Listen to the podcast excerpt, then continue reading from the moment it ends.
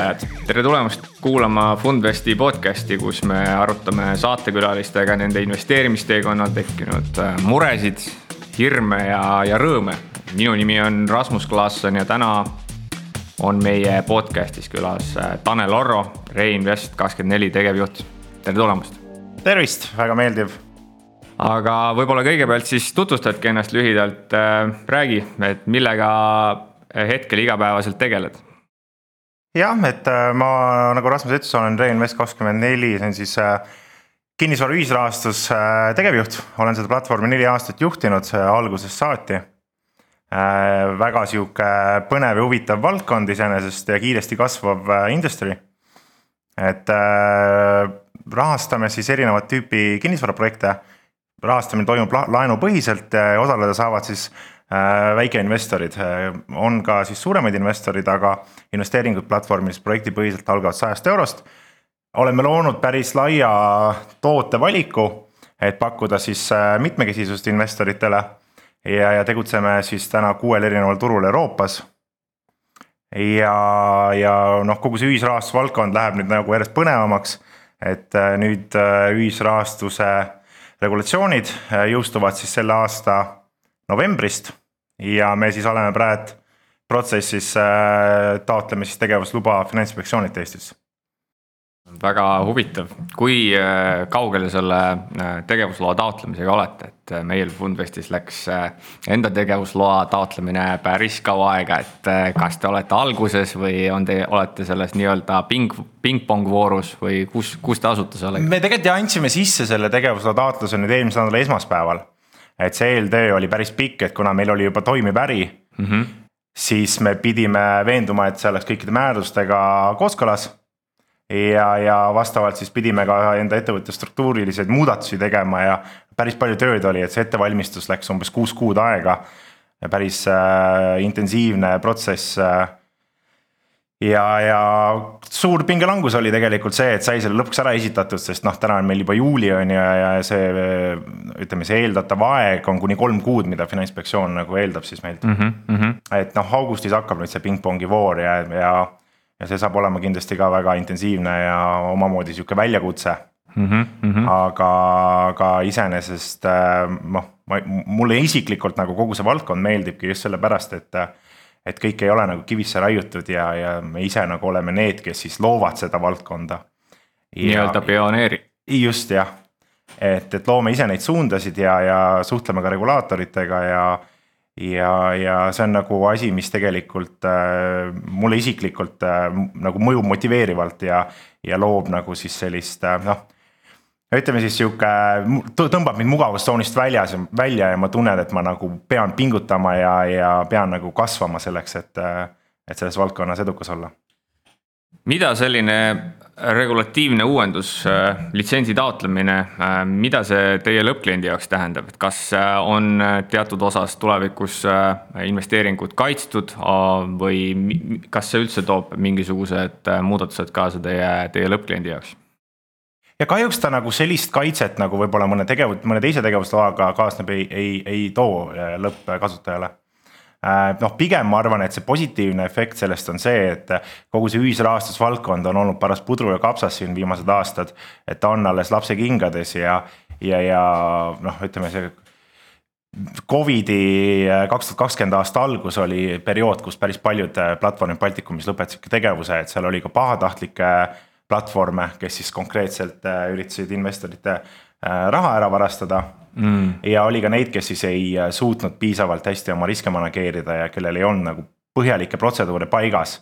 et kuna see ühisrahastusplatvorm on vahendaja mm, -hmm. siis ta ei mhm. vastuta selle, selle lõpptoote eest, mida ta pakub investoritele ja ta saab seda siis nagu noh, ütleme nii siis, et paljud platvorm, platvormid läksid pigem seda taga ajama, et mahtu pakkuda ja atraktiivseid tootlusnumbreid tegelikult äh, ütleme, see due diligence'i pool ja see, see protsess, kuidas investorid nagu lõpuks kaitstud on ja kuidas nad oma raha tagasi saaks, et see oli nagu pigem nagu teisejärguline, et selle pealt ju raha, raha ei teeni, on ju. Mhm, ja, mhm. ja kuna, kuna, kuna see valdkond oligi sihuke pudru ja kapsas, ma arvan, et selles mõttes see et regulatsioonid on väga vajalikud, et puhastada seda valdkonda, et, et, et ma olen väga, mul on väga hea meel, et see asi nagu nüüd juhtus. et oleks tal lastud veel joosta võib-olla siin viis aastat sellises tempos, on ju, siis võib-olla oleks juba, juba äh, kaotused nii suured, pettumus nii suur investorite poolelt, et pigem nagu võib-olla ei, ei vaadata nii tõsiselt sellesse valdkonda enam ja noh, krüptoturul on tegelikult lastud üsna, üsna vabalt joosta ja, ja tõenäoliselt äh,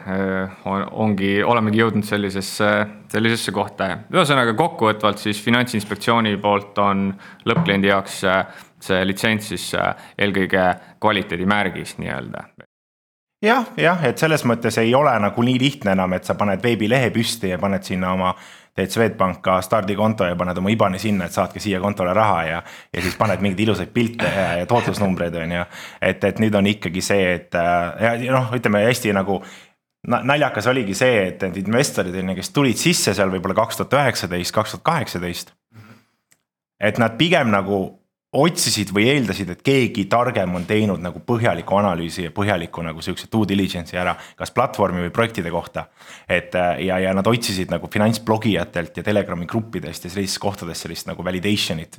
et, et see on nüüd okei okay,, et sinna võib investeerida, on ju, mhm, et noh, mhm. nüüd ongi selleks nagu ikkagi regulaator on ju, kes selle sulle, kes, kes selle validation'i annab, et okei okay,, sellel ettevõttel on need asjad paigas, neil on piisavalt äh, kogenud äh, inimesed seal eesotsas, kes suudavad seda asja edukalt teha, on ju et, et, äh, et see nagu loob äh, jah, selle validation'i ja loob selle credibility, mis varem oli sihuke natuke kahtlane koht, kus kohas seda otsiti seda on hästi huvitav kuulda, et tegelikult äh, regulaator päris mitmel turul ta on, puhastab seda, seda sellist turgu ja, ja lõppkokkuvõttes tõstab ka teenuste kvaliteeti siis uh,. aga räägime veel Reinvest kahekümne neljast.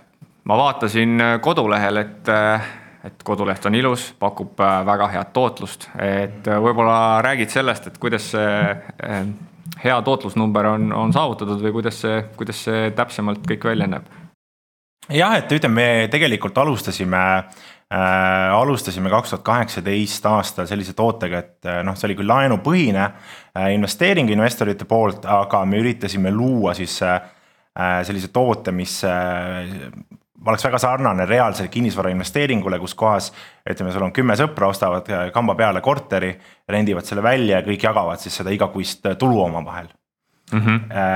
ja, ja meie siis noh, loome SPV ja ostame selle projekti ära ja jääme seda opereerima ja igakuiselt teeme rendiväljamakseid, lõpuks müüme selle objekti maha ja investorid teenivad siis tulu ka sellest kapitali kasvust, mis siis selle nii-öelda kinnisvara väärtuse kasvust on saavutatud, et äh, võtsime sisse selliseid projekte ka, kus kohas äh, noh, nad ei olnud nagu valmis projektid, et seal oli päris palju tööd vaja nendega teha, kas siis ehitustöid, äh, seal on olnud projekte, meil on olnud projekte, mis on olnud jalgrattaparklad juriidilise staatusena.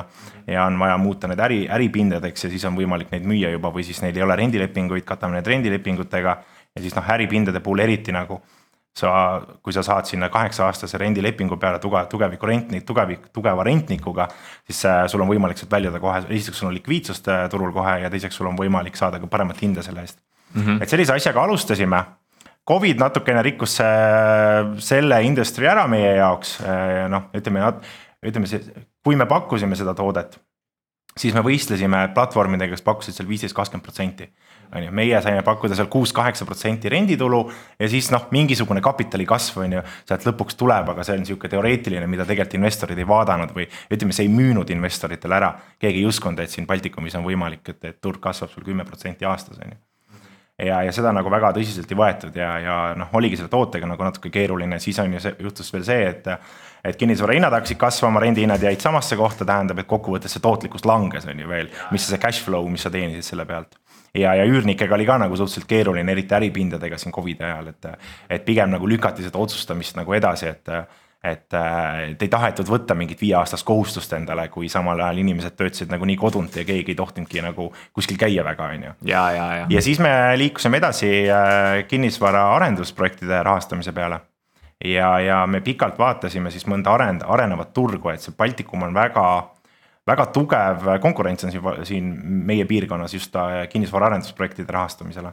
et on olemas äh, suured ühisrahastusplatvormid, kes väga aktiivselt teevad äh, nagu usinalt teevad siis nagu turundustööd ja, ja üritavad leida neid inimesi, leida neid ettevõtjaid, kes on nõus seal kaheteist, kolmeteist protsendiga laenu võtma ja kellel on kinnisvara eest tagatiseks anda ja noh, see LTV võiks olla seal kuskil seitsmekümne protsendi juures mm. -hmm. et, et ei ole nagu seda mahtu võimalik teha nii palju, et Estate Guru siin rahastab kahekümne miljoni eest projekte, arendusprojekte kuus yeah.. siis on veel Crowd Estate ja siis on veel väiksemad tegijad ka et siis meie vaatasime kohe, et me peame minema nende kinnisvaraarendusprojektidega ikkagi kusagile arene, ütleme arengumaasse, kus, mis, mis ei ole, kus ei ole seda kapitali kättesaadavust nii palju. ja, ja me leidsime tugeva partneri Moldovast, kelle projekte me hakkasime siis rahastama. saime väga head tingimused seal kokku lepitud, me andsime sellele arendajale ka väikse osa Reinvestist, et tal oleks motivatsiooni meie juurde jääda, sest juba noh, see arendaja tegutses kokku seitsmel, kuue-seitsmel turul Euroopas. ja, ja see on meie, meie konkurendid hakkasid neid kohe siis nagu approach ima, et me pakume natuke paremaid tingimusi, madalamaid intresse ja nii edasi ja nii edasi. ja, ja sealt siis äh, ka sellest, et me andsime osaluse sellele arendajale. me, me saime ka endale selle võimekuse, et äh, hakata ise teostama arendusprojekte. Äh, see toobki järgmise küsimuse juurde, et kui me räägime viimasest kahest aastast alates, ütleme Covidist, et palju te üldse olete kasvanud, mis on tuleviku eesmärgid, mis on tulevikuplaanid?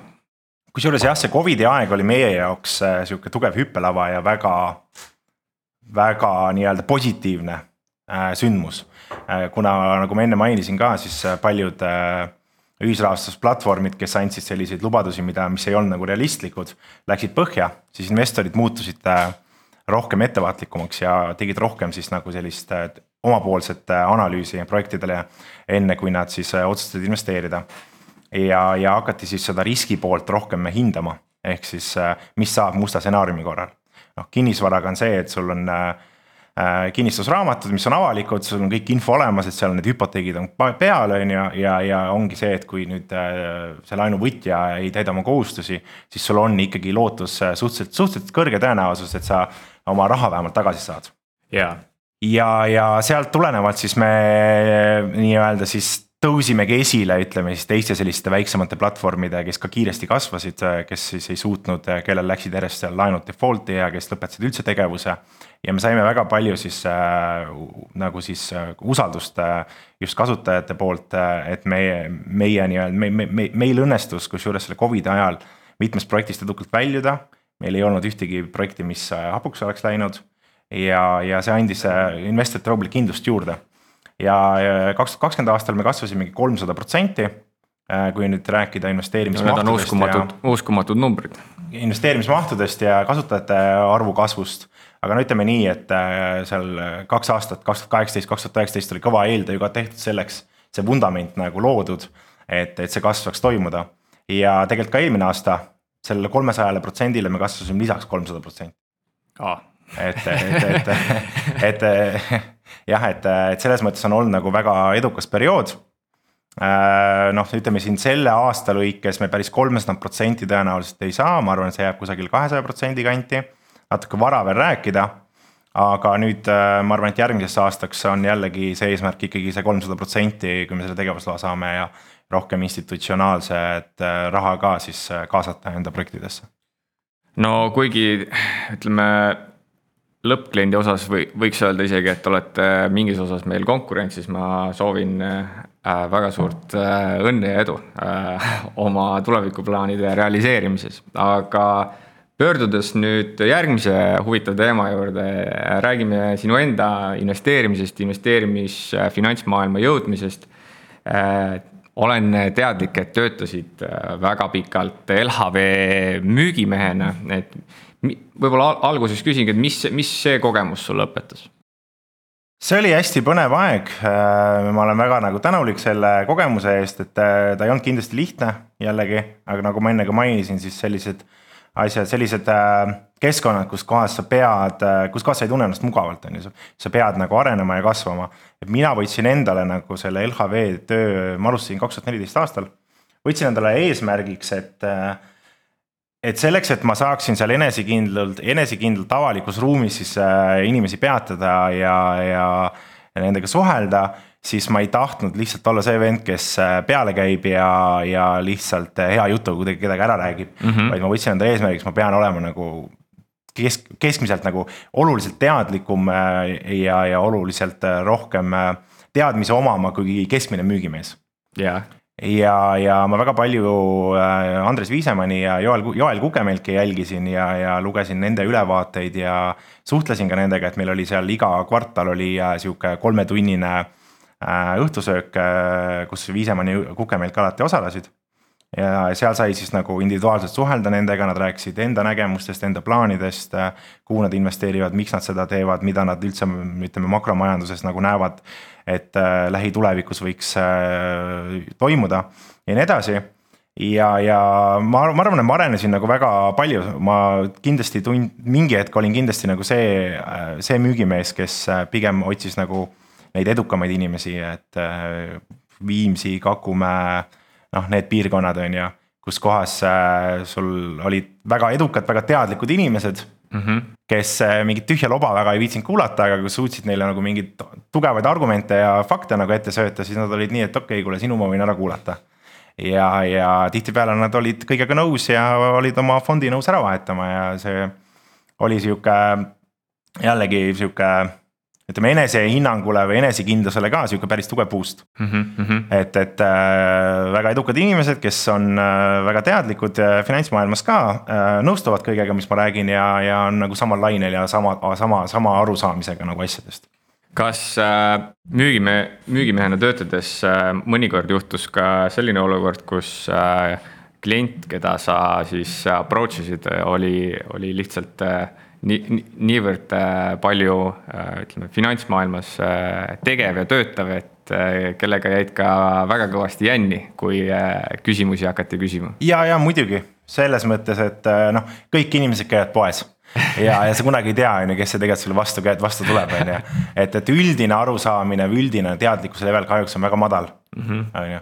et selles mõttes, et sa võid nagu väga valesti hinnata olukorda teinekord, aga, aga noh, selles mõttes minu eesmärk oli ikkagi alati pigem, võib-olla see ei olnud nagu kõige õigem müügistrateegia. et kui sa hakkad selle inimesele, kes on võib-olla mingi, mingi toetuste peal elab ja ei ole kunagi ühtegi investeeringut teinud ja, ja noh, sihuke nagu noh, nii-öelda nagu. kui sa hakkad talle rääkima seal volatiivsusest ja inflatsioonist on ju, siis ta mõtleb, noh siis see on nagu aja raiskamine pigem on ju. et pole nagu mõtet, aga, aga samas ongi see, et sa kunagi ei tea, on ju, kes on kes, kes, kes see inimene tegelikult on, millega ta tegelikult igapäevaselt tegeleb, on ju. ja, ja oli väga nagu pigem, pigem ütleme nende, nende väga teadlike inimestega olid äh, pigem nagu head kogemused, olid muidugi neid, kes olid natuke pahatahtlikud või töötasid konkurentide juures ja nii edasi, on ju, kes tahtsid lihtsalt põhimõtteliselt sind nagu kuidagi suruda seal. ja kuidagi sind panna nagu mingite ristküsimuste ette, kus kohas sa nagu kuidagi nii-öelda tekiks olukord, kus kohas nad saaksid sind äh, sulle kuidagi ette sööta, et näed, sa ütlesid seda, nüüd sa räägid sellest, on ju, mis iganes aga kokkuvõttes inimesed olid suht sama meelt ikkagi, et LHV-l oli väga tugev sihuke imago, mis mis, mis ütleme, see üleminekuperiood oligi, kus kohas no ütleme, kaks tuhat neliteist oli LHV ikkagi väga väike pank veel. oli. Äh, et see, see oli see, kus kohas ka LHV siis see kiire kasv algas ja kus kohas väga paljud äh, äh eestlased võtsid omaks LHV. ja, ja sellest tulenevalt nagu kellelgi ei olnud otseselt nagu nii-öelda pika argumendi, äh, pika argumenteerimise lõpuks kellelgi ei olnud nagu selle vastu midagi, mida ma teen seal või mida ma räägin, nad pigem nagu ikkagi lõpuks nõustusid. milline oli su esimene investeering, kuna see, kuna sa selle tegid? Ja, ja kas see oli kõige suurem läbikukkumine investeerimisel? Kusjuures äh, jah, see on sihuke huvitav lugu, et äh, kunagi kuuendas klassis käisin siis ma käisin suvel Soomes, värvisin mingisugust saunamaja kuskil järve ääres, sain siukse, onuga käisin seal. päris äh,, päris hästi sain töötasu selle eest. kaks tuhat viissada krooni, ma mäletan, niisugune koolipoisile päris hea taskuraha. ja ma investeerisin selle kõik ära kohe äh,. tol hetkel ma nagu ei osanud seda ise nagu näha otseselt investeeringuna. pigem see oli sihukene nagu hobi või äh,, või sihuke Äh, noh, sihuke koolipoisi värk, ütleme siis nii, et äh, selline mäng nagu RuneScape oli. ja, ja, ja ma ostsin RuneScape'i mänguraha ühelt äh, keskkooli poisilt. kes käis meie koolis seal kesk, keskkoolis ja kes oli seda mängu mänginud kuus aastat oma elust sinna alla pannud ja ja, ja, ja siis ma ostsin sada miljonit RuneScape'i kulda. ja, ja RuneScape oli sihuke huvitav mäng, kus kohas oli kus kohas oli siis omaette selline maailm oli see, ütleme siis nii, kus kohas oli samamoodi sihuke vabaturu põhimõte, nõudlus ja, ja, ja siis äh, pakutavus. erinevatele esemetele, erinevatele asjadele. alternatiivne investeerimine nii-öelda. jah, et see on nagu alternatiivne, alternatiivses maailmas investeerimine, ütleme siis nii. ja, ja ma paigutasin selle sada miljonit kulda, kõik, mis ma sain selle kahe tuhande viiesaja krooni eest, ma paigutasin rare item itesse see on siis haruldased item'id, mida rohkem mängu juurde ei tulnud. ja sealt tuligi nagu see põhimõte on ju noh, mis ongi nagu see nõudluse ja pakutavuse põhimõte, et kui see mäng järjest arenes suuremaks, järjest kasutajaid tuli juurde sinna, siis need haruldased item'id järjest äh, muutusid äh, hin-, väärtuslikumaks või siis äh, äh, nii-öelda noh, neid ei tulnud juurde, aga raha tuli juurde mängu kogu aeg, mängijaid tuli juurde ja lõpuks olid need item'id mul väärt kaks, kaks tuhat miljonit, ehk siis kakskümmend X kasv oli sellest. ja ma päris palju sellest äh, koolipoisina ka juba olin natuke varemaks saanud.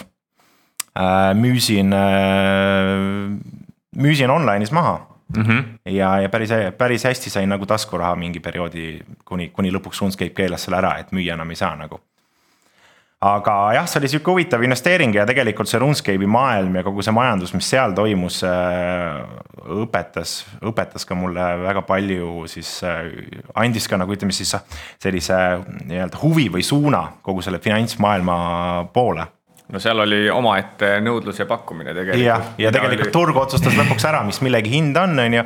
et mingite, mingite asjade hinnad tõusid sellest lähtuvalt, et seda nõudlust oli rohkem kui seda pakutavust ja, ja noh, seal oligi see, et sai sul ei olnud nagu mingi fikseeritud hind igale asjale, vaid see asja hind oli see, mida keegi nõus maksma sellest oli. jah, ja lõpuks tuli regulaator, kes siis lõi korra majja. põhimõtteliselt küll jah, jah, suures plaanis küll nii oli jah.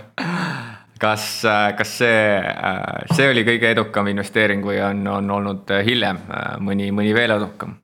tead, ma ütleks, et, et kuidas nagu vaadata seda, on ju, et ühtepidi on siuksed noh spekulatiivsed varaklassid võivad sulle nagu protsentuaalselt väga palju tulu teenida lühivaates, kui sa suudad õigel ajal õige, õigel ajal maha müüa need, on ju. noh, näiteks ka krüpto on ju, et ma krüptot äh, natukene ostsin äh, kaks tuhat kakskümmend aasta märtsis, kui see Covidi tropp oli. Ja, ja noh, protsentuaalselt oli see kõige edukam investeering, aga lihtsalt mahud olid väga väiksed, kuna ma lihtsalt tahtsin natuke mängida, mul olid tuttavad, kes ümberringi olid äh, tegid oma krüptoprojekte ja olid selles krüptomaailmas päris tugevalt sees ja siis kuidagi nende influence mõjus mulle lõpuks. kuigi ma olen ikkagi nagu suhteliselt äh, skeptiline äh, selliste spekulatiivsete varaklasside puhul. aga, aga protsentuaalselt tuli sealt jah, kõige suurem tulu. kuna ma suutsin õigel ajal maha müüa küll aga samas jõudes ka kõige negatiivsema või kõige kahjumlikuma investeeringuna, siis see toimus ka krüptos. et, et seesama raha osaliselt nagu läks edasi järgmistesse projektidesse, mis enam ei õnnestunud nii edukalt, jah no tavaliselt öeldakse, et investeerima peab siis, kui on veri tänavatel, et mulle tundub, et see kaks tuhat kakskümmend aasta märts ja aprilli algus, et siis oli, oli tänavatel väga-väga suur veri ja ütleme väga-väga mitmed investeeringud, mis sai omal ajal tehtud, siis need on veel, ma arvan, pikaks ajaks väga paljudel investoritel peaaegu kõige edukamad. Ja millest saab rääkida aastaid veel aga milline oleks sinu soovitus inimestele, kes, kes veel ei investeeri, et kust, kust alustada, et, et kas alternatiivsetest investeeringutest, aktsiatest või, või, või on äkki sul mingisugune kolmas, kolmas lahendus pakkuda? ma arvan isiklikult, et, et need alternatiivsed investeeringud on, on rohkem riskantsemad ja need võiks, võiks nagu noh, kui, kui neid puudutada, siis pigem nagu väga väikeste summadega. absoluutselt olen nõus. aga mida, mida ma soovitaks inimesele, kes ei ole investeerinud veel äh,. lihtsalt alusta, et äh, kusagilt tuleb alustada, ma arvan, et kui sul on endal mingisugune summagi investeeritud kusagile.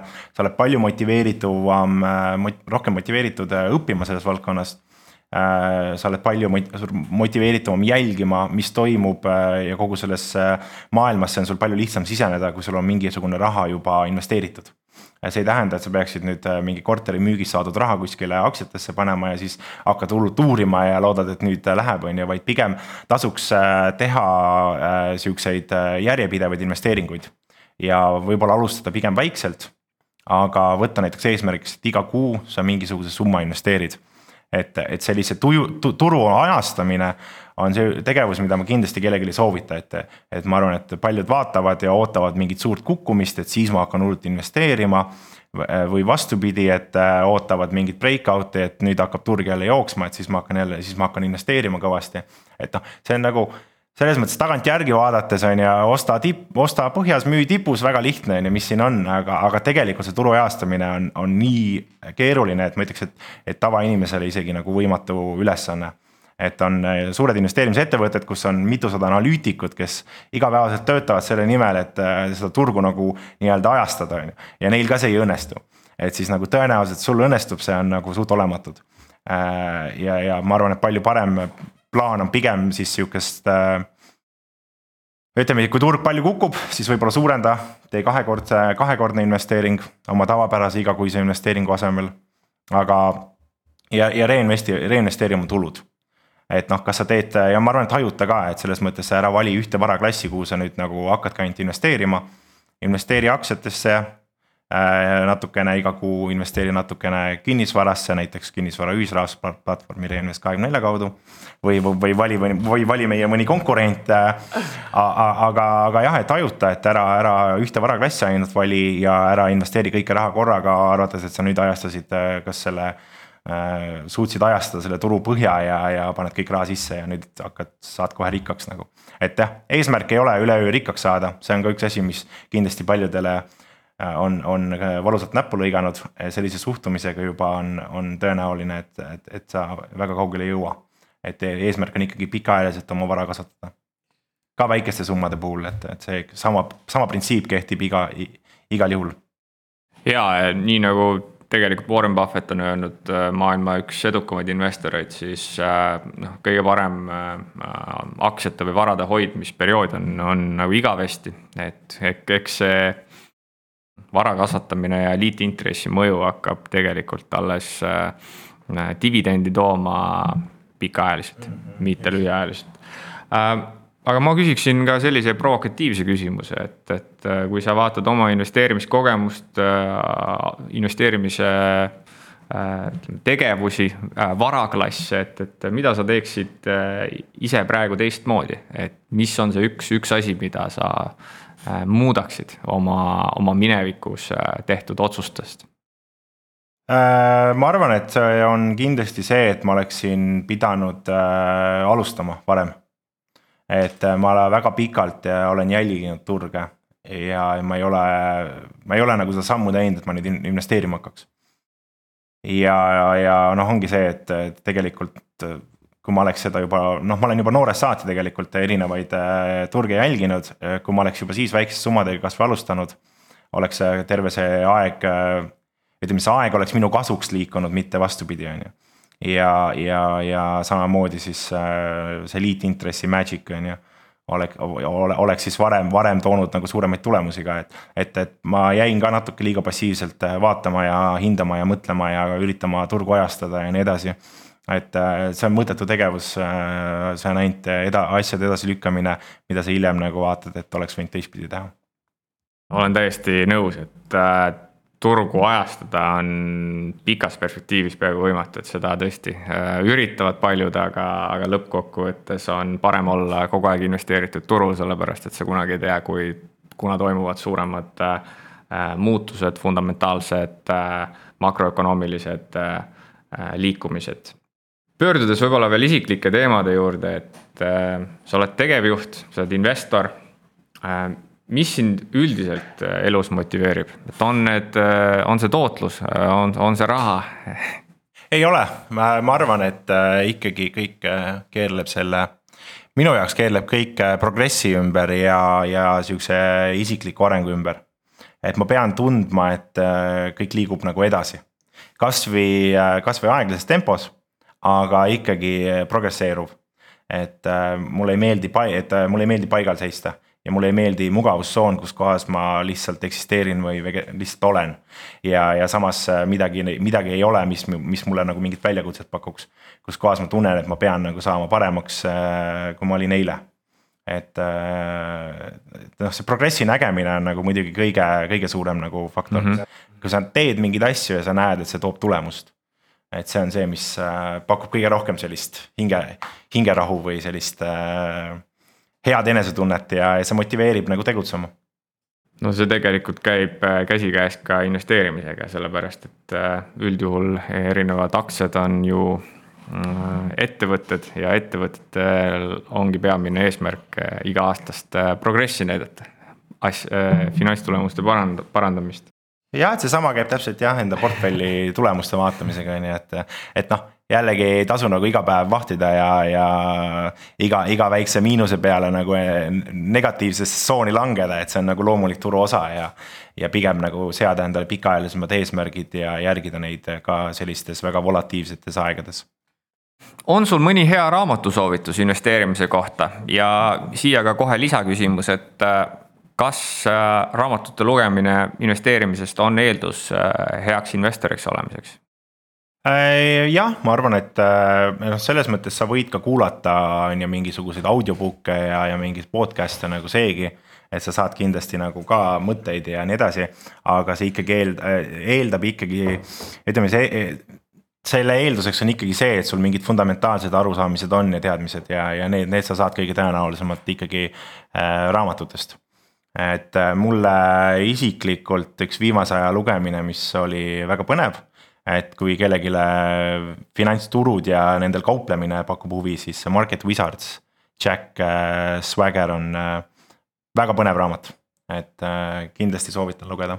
ja see on ka minu pikas lugemislistis, kuhu ma peaksin kunagi jõudma, aga võib-olla sealt raamatust, mis sa tooksid välja, mis oli Äh, selline tõeliselt huvitav või, või asi, mis üllatas? No ütleme nii, et ta ei ole võib-olla kõige parem lugemine inimesele, kes üldse sellest valdkonnast midagi veel aru ei saa, aga ta põhimõtteliselt äh, raamatu sisu noh, läheb nagu ajas päris palju tagasi, seal on erinevast ajastust äh, siis erinevad kauplejad, kes on väga edukad olnud ja nende erinevad siis strateegiad, nägemused ja sellised reaalsest elust kogemused. kus kohas veel kaubeldi äh, niimoodi, et sa kui sul ei olnud veel internetti ja sul ei olnud tehnoloogiat veel, nagu sa seitsmekümnendatel kusagil äh, võimendusega kauplesid mingit äh, asja, siis noh, päris huvitav, kuidas tol ajal need asjad käisid, on ju. et samas need, see psühholoogia on seal taga nagu sama ja kuidas nagu turud liikusid, on ju. Mhm. aga lihtsalt, kuidas seda tehti tol ajal ja kuidas seda, kuidas, kuidas siis tegelikult on nii palju erinevaid strateegiaid, nii palju erinevaid lähenemisviise, mis võivad sulle edu tuua. ja, ja seal ongi siis erinevad äh, väga edukad äh, kauplejad, kes oma kogemustest räägivad reaalsest elust.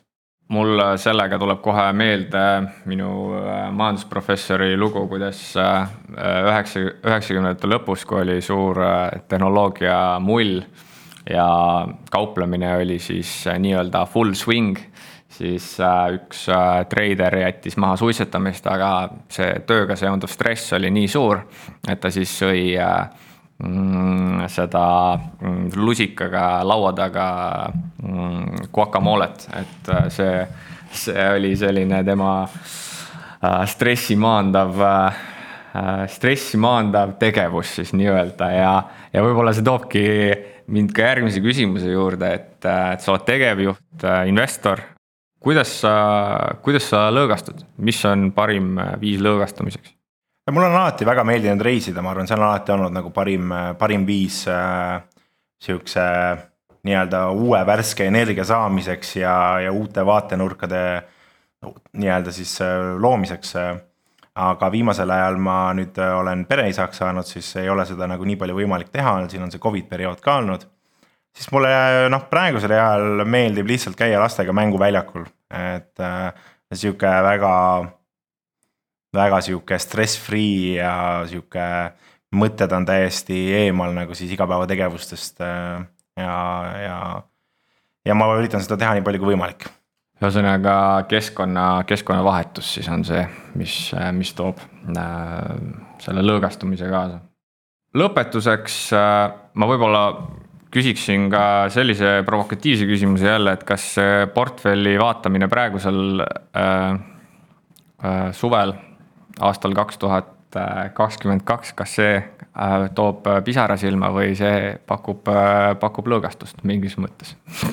jah, et selles mõttes ega ta nagu, ega ta, ega ta seda lõõgatust, lõõgastust ei paku otseselt, on ju, aga, aga samas on see, et, et, et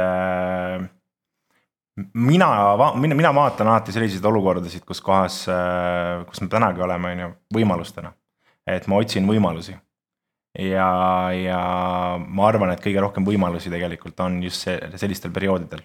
et selles mõttes ei tasu äh,, ei tasu võib-olla pead norgu lasta ja arvata, et nüüd on maailma lõpp ja kõik on läbi, et äh, see on tavaline tsükkel, mille me oleme läbinud juba ajaloo jooksul kümneid kordi.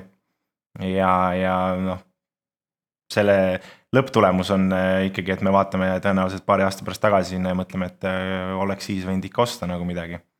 Et, et äh, ma arvan, et praegusel ajal on kõige rohkem võimalusi turul ja, ja neid tuleb otsida ja neid ma üritan Reinvesti tegevjuhina ka meie investoriteni tuua ühesõnaga, Tanel, sinu hinnangul on siis praegusel hetkel veri tänavatel ja on kindlasti koht, kus alustada või siis jätkata oma investeerimistegevust jah, ma arvan, et selles mõttes midagi ei ole nagu suures plaanis muutunud, et, et maailm keerleb edasi ja, ja ettevõtted ikkagi nii-öelda.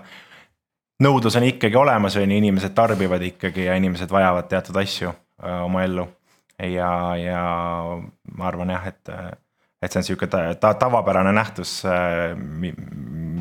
mida pigem tasub vaadata võimalusena tänan saatesse tulemast, Tanel Orro, Reinvest kakskümmend neli tegevjuht. Sinu mõtted olid väga huvitavad. kindlasti ma loodan, et ka meie kuulajatel oli väga palju õppida sinu kogemustest, mõtetest, hirmudest ja rõõmudest. minu nimi on Rasmus Klaasson ja kõikidele kuulajatele aitäh kuulamast. järgmisel nädalal on meil eetris juba loodetavasti sama huvitavad inimesed. aitäh. aitäh